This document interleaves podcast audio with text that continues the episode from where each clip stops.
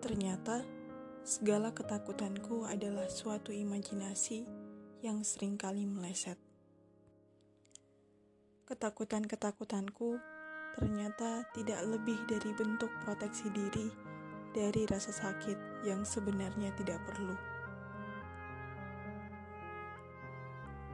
Karena seringnya hal yang kutakutkan bahkan tidak lebih besar dari yang kubayangkan ketika sudah kutemui.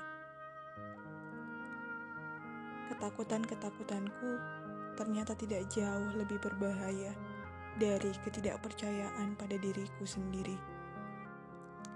Ternyata keraguanku pada diri sendiri jauh lebih berbahaya dari imajinasi mana pun. Yang karenanya aku mengubur mimpi-mimpi yang seharusnya dibangunkan agar berjalan dalam dunia nyata. Tapi ketakutanku membunuhnya dalam keraguan-raguan tanpa batas.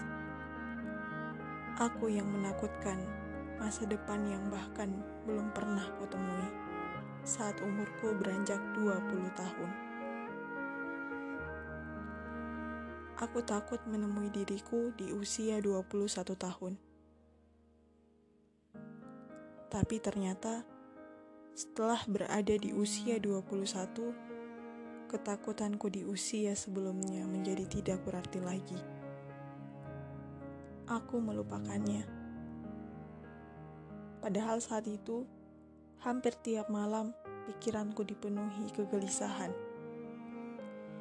Ternyata ketakutanku tidak jauh lebih kuat jika aku temui.